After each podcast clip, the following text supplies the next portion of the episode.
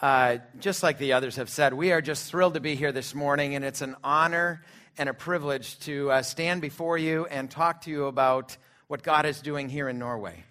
And uh, part of that is to talk to you a little bit about what God is doing in our place at Eagle Brook Church.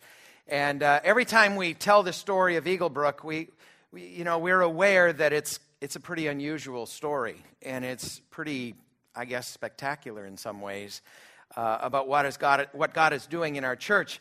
And we don't want that to be something that makes you feel bad. We want that to be something that makes you feel inspired and encouraged.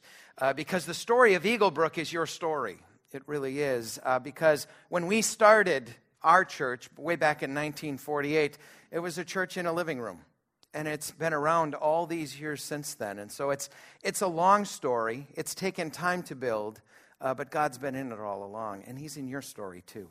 And so we're excited to talk a little bit about that. I'm going to tell the story of Eagle Brook, and then these other people are going to get up and tell you the things that you're really interested in. And so, um, but, but the story of Eagle Brook is a good place for us to start, I think. And I'm Scott Anderson. I'm the executive pastor at Eagle Brook Church. And most of you probably wouldn't know what that is, and half the time I don't know what it means. Um, but um, our pastor, our senior pastor, Bob Merritt, he leads the church. That's his role. And he speaks on the weekends. And uh, I kind of run the church. So I'm the one who helps Bob make sure that we accomplish the things that are on his heart and on the heart of the people of Eagle Brook. So that's what I do. And I've been on staff at Eagle Brook for 15 years. And so I've been able, and we've been attending Eagle Brook for almost 20 years, about 20 years. So we've been able to grow uh, with the church, and it's been such a, an exciting thing. So, from 1948, when our church started in a living room in somebody's home in the community of White Bear Lake, our church had its ups and downs, and it had its growth spurts, and its downturns, and it had its splits, and it had its challenges. Lots of things happened that were good, and some things happened that weren't so good. And, uh, but our church continued to grow and very slowly kind of continue to reach people in our community for Jesus Christ. And we bought a piece of, of new property like lots of our churches do. We have a vision for the future. And so we, we purchased some property in the community of White Bear Lake and uh, built a church there. And uh, 300 seats in that, that uh, little building and uh, we were able to start reaching a few more people. And we got to the point where we were about 300 people and had grown quite a bit. And in about the mid 1980s, uh, the church was going through some really challenging times. Uh, we had gone through, I think, three pastors, all in a very short time period, and it just wasn't working. And I think all of us can uh, remember a time, and some of us are in a time where it's just not working. And so there was a core of people in the church, about four couples, four or five couples, who decided to get together. And each week they got together to pray for their church and for their community. And that God would open a door, that, that God would somehow send the right person, send the right people, so that the church could be effective in their community. And if they would have known when they started that prayer time how long they would end up praying, I'm not sure they would have done it. Uh, but they ended up praying for almost 10 years uh, on a regular weekly basis. Just a small group. The church wasn't even that aware of it. Um, but that's kind of how it goes sometimes, isn't it? And that's how God works. So in 1991, the church was once again looking for another pastor and a new leader. And Bob Merritt, who many of you have met, uh, came to interview for the position of senior pastor at Eagle Brook Church. This church of about, by this time, about 350 people. And when he sat down with uh, the search committee, the people that were doing the hiring, um, you know, the interview went well, and the people that were on that search committee are still part of our church today. And they tell the story that at the end of the interview, Bob just paused and said, Listen, I want you to know something. I love what I hear, but please don't let me come here if you're not really truly willing to do whatever it takes to reach this community.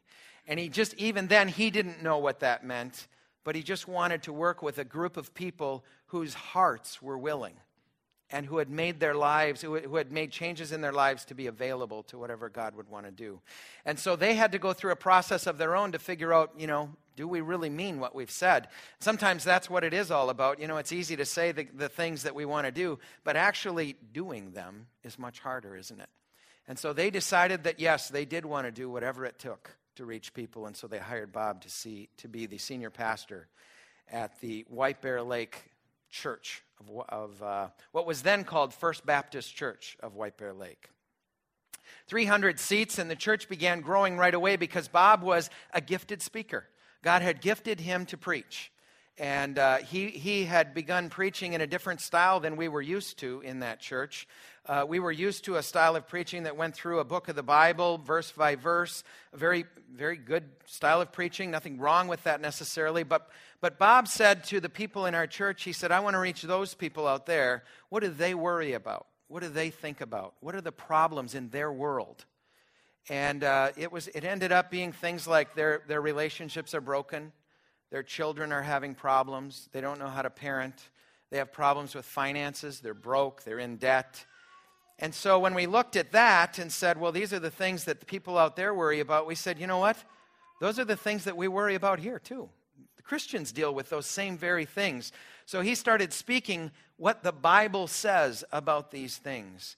And people would leave each weekend with something to think about and to talk about in the car on the way home and they found and he used story in the way that he preached and so it stayed with people all throughout throughout the week and the church began to grow and it wasn't long before the church was 500 and we had to go to a second service on sunday mornings and um, and and things kept going and Bob's teaching was really a key to that, and it was the one thing that he could do very, very well. He really can't do, and still to this day, can't do a lot of things really well. And he would be the first one to admit that. He can't run the church and manage the people, and he's just not gifted in that way. And when he had to do it, he wasn't good at it. And so, you know, but he did what he could do well. And we ended up expanding very, very quickly and growing very fast. And that was about the time that, uh, that our family started attending the church. Uh, we went to two services, and then we started a Saturday night service, which in our community was not done. None of the churches did a Saturday night service, except for the Catholic Church. Catholic churches did Saturday night. Um, and so it was a very unusual thing to try to do Saturday night. But we had made a decision back in that time period that we weren't going to let buildings get in the way of the growth that God wanted to do. And we had just we had decided that if God wants to bring people to our church, we will find a way to get them all in over and over and over again. And so we expanded to Saturday nights, and the first weekends, I think 50 people came, and we were disappointed. we were kind of like, oh boy, uh, that's, this is going to be work. And yet we knew that it was the only way we could do it because we didn't have the money to expand. And so um, we just prayed. And each weekend, Bob would get up in front of the full Sunday morning services and he would say, If you believe in the mission of this church, and if you've been touched by God and believe that others need that opportunity, you must come to church on Saturday night to make room for the people who want to come. And when they come for the first time, they come on Sunday morning. And so over time, we began to build that Saturday night service, and we expanded and expanded and grew it until it was full. And so we had three Sunday morning services that were full, and we ended up deciding that we needed to try a fourth Saturday night service, which was unusual for sure, and didn't have any idea if we could continue to grow that way.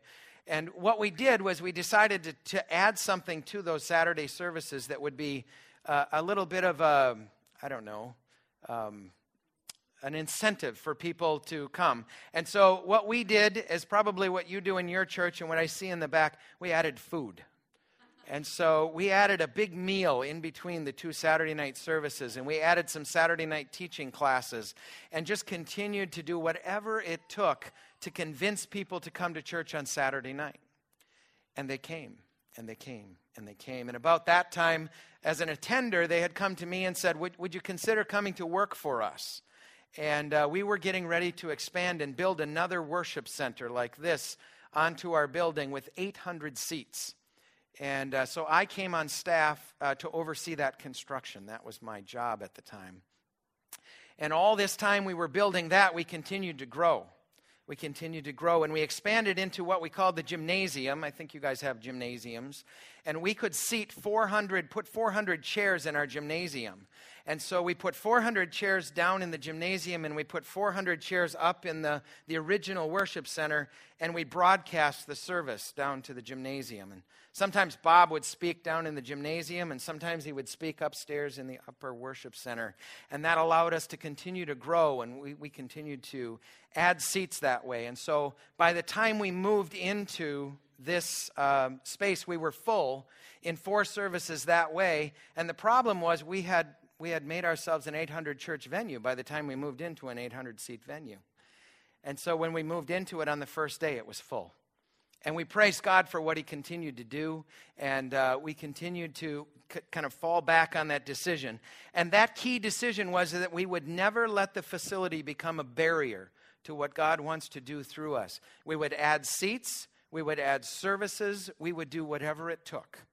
And again, sometimes you make decisions and you don't really know what it's going to take, but it's really good to make those decisions before you have to test them.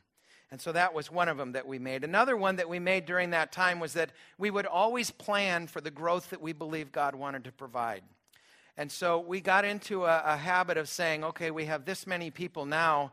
Next year, what if God wants to provide 20% more people?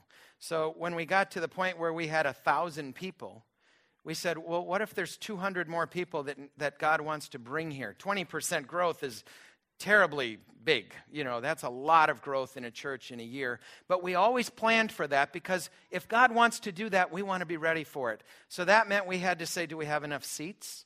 To handle 20 more percent people in our worship center? Do we have enough classrooms? Do we have enough teachers? Do we have enough parking spots? And from that, we would build a budget that says, well, we have to hire another teacher, we have to expand something here and do that. And that's the budget we would bring to the people each year and say, you know, here's what we believe God wants us to be able to do. In order to fund it, this is what's going to take. We're believing God for that through the people of the church. And that's how we would do things. And you know, we didn't always grow by 20% every year, but some years we did. Some years we grew by 40%, and some years we grew by 8%. But over the last 20 years, we've grown by about 18% every year, average, year after year after year. And I think part of it is because we planned for it. And the other thing is, is that we decided that we would be a people that was willing to do what God called us to do. And again, a decision that you need to make early on because if you knew what He would call you to do, you might not do it but we decided early on that we would make ourselves, we would be willing to do what God calls us to do, and we would make ourselves available. And again, you can't imagine what that means sometimes. That meant for about five years, I worked seven days a week. Uh, and my family had to be in that with me you know, because I couldn't do that without their support. And, uh, and today I don't work seven days a week, and hardly anybody on our staff works at that level. But during that time when there was so much growth going on, we just had to do those kinds of things. So, willing and available is something that we've heard at Eagle Brook a lot over the years. Will we make ourselves available? And when new people come, will you make yourself available? Will you be willing to do what God is calling you to do? The growth continued, and we decided we needed to move to a new site a new site in Lino Lakes, a community about seven kilometers away from us, maybe 10 kilometers away from us. A much larger facility that would serve our needs, we felt, for many years to come. And we began construction after doing fundraising for four years. Hard, hard work getting to that. Uh, but we believed that God wanted to continue to grow in our, in our church. And so, uh, before we, on the day we moved from our site in White Bear Lake, we were doing seven weekend services every weekend. It was killing us. But God had called us to do it. And so, seven services, there were about 5,000 people who were coming to the church at that time in this small facility that we were using. And then we moved to the new site. And from the first week, in, uh, after about two to three weeks being open in the new site, we were already a church of 8,000 people. And they just came. And God was blessing. And it was overwhelming and humbling to those of us who were in leadership to see what God did with willing people who made themselves available to do ministry. And it was never easy, but it was always exciting. And God was always moving in that. And so we, we, we outgrew that building within three weeks. We filled it up with four services. And we said, you know, we will never let buildings become an issue. Now what? you know? And we, but we still had our original building. We just hadn't planned to use it for church services on the weekend. And so, six weeks after we opened our Lino Lakes building, our brand new building, we went before our people and said, We need 1,500 of you to go back to the old building. We know you paid money, you prayed, you worked hard to get us here, but if you believe in our mission, if you believe in what God is doing here, we need you to go back to White Bear Lake to the old building and we need you to reestablish a church there. And that's how we became a two site church. And we would broadcast the service to White Bear Lake each week. And we started with two services, and it grew, when we went to three services. And we finally went to four services at White Bear Lake. And Lino Lakes filled back up, and we were in a place of almost having to turn people away. And so we started to look for other options. And we were looking for a community a little bit farther away from us where a lot of our people were coming from. And uh, we found this community called Spring Lake Park. And, and I started driving through the cities, through the streets of Spring Lake Park, and just praying that God would open up a facility because we had no money. We, we had spent all our money. and uh, we didn't know how we were going to do it, but we just, we just prayed and we asked for God to open a door. And a church in our de- denomination, a Baptist church, uh, that had been very successful, but over the years had lost its um, numbers it had gotten down to a point where it had about 100 people left in it. And we started to talk with that church about merging with us. And actually, we found out that we weren't really talking about merging, we were talking about taking over and becoming an Eagle Brook campus. And we talked with their, their chairman of their board. I, I met with him, and I met with their pastor at the time. And, and uh, I left that meeting saying, They will never do this. They will never do this. But three days later, the chairman of that board, who was kind of a gruff person, he called me on the phone and he said, I've been praying about this, and God has told me we're supposed to do this. And he became our biggest fan after that. And he helped make sure that we were able to move forward. We met with the church weekly for a lot of weeks, trying to let, make sure they know who we, we were. We taught our classes. We taught about our vision and the, our vision for the future. We said if this becomes an Eagle Brook site, we believe that it could start with at least 400 people and we believe that it could grow to be a church of over a thousand within a year's time. And they said that will never happen. We've been trying to do that for years, and it just won't happen in this community. And we said, wait and see what God will do with willing people who have made themselves available. And so uh, on the day we opened, they voted, 85% of them o- voted to give their church that was worth $3 million uh, to us for nothing and become an Eagle Brook site. And so we got to work. We had six weeks to redo the whole building as much as we could. We had to put all kinds of technology and about a million dollars worth of technology to make it work for Eagle Brook. And on the weekend that we opened in December of 2005, I was doing traffic out in the, uh, out in the street. And we, had, we, we really had no idea what was going to happen. We thought maybe 400 people would show up. And so I was doing traffic, and pretty soon the traffic was backed up both sides here and behind me, that people were coming. And, and I mean, I was in the middle of a traffic mess. People were trying to get in, and I was doing my best to get people into this parking lot that there's no way could park all of these cars. It was much too small. And they were parking along the streets all the way down, and this policeman drove up very slowly. And I thought, I'm going to get arrested because uh, I was out in the street doing traffic, and he rolled down his window and he said, in a kind of a gruff voice, you know, what's going on here? And I said, We're having church. I'm sorry. but we're having church, and we will fix this for next week. We didn't know. And that week, that week, 1,400 people came to Eagle Brook Church. And we had two services, and immediately we added a third service. And shortly after, we, ordered a fo- we, we added a fourth service. And it filled up all those services very, very quickly. And we started to use a building that was on the property that was the old church that had a, a small center that would seat about 100 people for overflow. And we broadcast over to there. And we were just doing everything we could to manage that growth as best we could. And people were coming to Christ. These were people who were non believers, many of them, who are non churched. And so they were coming to, to Christ for the very first time. And lives were being transformed and willing and available people made that happen with God's blessing. And we saw that grow as big as it got, and we said we have to do something else. But this time we had done another fundraiser, so we had some dollars available. We found a piece of property about uh, seven kilometers away, not very far, because we needed to have people move from that church to this church to help you know, make the crowds not as bad. And we built an 800 seat church very, very quickly with the children's space that needed that we needed to have there. And I think we're doing some pictures. That's that's the Blaine. Forgot about that. You're, yeah. Uh, that's the Blaine campus. It's a commercial building. It looks very commercial, uh, but when you walk in on the inside, it becomes Eagle Brook. And uh, we opened that site in December of 20. We opened that in October of 2010, last year. So it's just been open one year. And uh, we, we asked 500 people to come from Spring Lake Park and help plant that church and make it go and be the volunteer base and everything. And so on the first weekend, we knew that Spring Lake Park would have a, a relief from all the people that were coming there. And the first weekend we opened, we had 1,800 people come to the Blaine campus.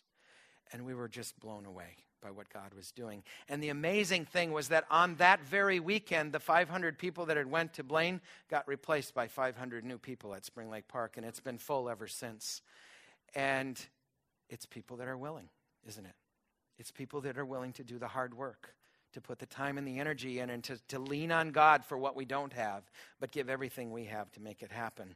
And so we continued to grow. Today, the Blaine Camp, but this past weekend, it, it, it had 3,000 people in it for the very first time, and we just praise God for that. Not because we have 3,000 people, but because we have the chance to speak into 3,000 lives and to speak God's truth and to reach many in the room who don't know Christ. What an opportunity. And finally, we continued to grow and continued to grow, and we looked at a community a little farther on the other side of town for the same reason, and we bought some property, but we didn't have enough money to build a building. And so we said, well, we're not going to let buildings get in the way of what God wants to do. So what can we do? So we started driving around the city streets and talking to the city people. Ultimately, we found a school, a high school, a brand new high school that had a 900 seat auditorium in it and we said, maybe we'll do church in a school. Five years ago, we had said we will never do church in a school. That's one thing we won't do because it's hard work. That's really hard work. But it was the only opportunity, and we said, well, God wants us to do church in a school. So we opened that in September of this year, just maybe 10 weeks ago, for the very first time in a high school where, you know, people don't necessarily want to go to church in a high school. And yet, when we opened it, we had 1,800 people show up once again at that campus. And so today, in the five campuses of Eagle Brook Church, we have about 15,000 people who come every weekend to hear God's truth. But it's not just that, they come every weekend to serve and to give them of themselves for this mission, just over and over and again. Why do they do it? We have a relentless mo- focus on our mission at Eagle Brook Church, and it's to reach people who are far from God. And that doesn't mean we ignore people who aren't far from God because all of us need to be, be reached daily. You know, we all need to be reached daily. It's a, it's a result of commitment and hard work, and it is hard work, but it's the best hard work you ever do in the church. It really is. And the other thing is, it's God's favor. Sometimes God chooses to do something, and we can't explain it. I will tell you, it's not us. We are not that good. We just really are not. Uh, but we work hard and we lean into God what He wants to do through us, day in and day out. Before I pass it on to the other group, I want to uh, I want to tell you about two greats from the New Testament, and uh, you're familiar with both of them. But the first is the Great Commandment uh, from Matthew 22 Love the Lord your God with all your heart, with all your soul, and with all your mind. And the second is like it. The uh, second is like it love your neighbor as yourself. And, you know, and as I think about those things, I, I think a couple of things, and it, it has some connection to our church. The, the Great Commandment, the mission is clear, isn't it? It's pretty simple, it's not complicated. Love God and love others. The second thing is they're in the right order. Love God first. Make him the focus of your life, and you will be filled with the ability to love others day in and day out, even people who are unlovable. The third thing, it requires a bit of a risk. Sometimes we risk in order to love others, don't we? People who are unlovable are the ones that God calls us to love, and it requires a risk. And then it's personal. This one you have to do on your own. This one is between you and God. The other one, the Great Commission, says, Go, make disciples of all nations, baptizing them in the name of the Father, the Son, and the Holy Spirit, teaching them to obey all I have commanded. Go into the world and reach the people that my heart breaks for. I mean, really. The first thing is that mission is very simple. It's not complicated. We tend to complicate our churches with all kinds of different things and everything, but it's really not that complicated. It's simple. It does require a risk. Reaching people is hard, and it requires something of me as an individual to put myself out there, to stand in the place of Christ and be Christ to people who don't know him. And the third thing is, it is personal. It is personal. You have to, you have to personalize it. But this is the one you can do together. This is the one that we can do as the church. It's the perfect way to put all the gifts in the body of Christ together. Because we're not all personal evangelists who go out on the street and preach Christ to people who are lost, but some of us are. And we're not all great to be up on the platform singing or playing an instrument, but some of us are. But when we put everything together, we become this unstoppable force that God can use to reach this community in ways that we don't even dream about today because we can't imagine it. But it's out there, and it's for you, and it's for me. So, no matter where we find ourselves, in what church we're in, or where we serve, this is our calling love God, love others, and reach them. Reach them. So, we've put together a little video uh, for our church that we wanted to share with you. And it tells this story, this history of our church, in a kind of a fun way. And we thought we'd share that with you uh, before I close out this session and we go into a break. So, are we ready for that? Okay. Do I need to get out of the way?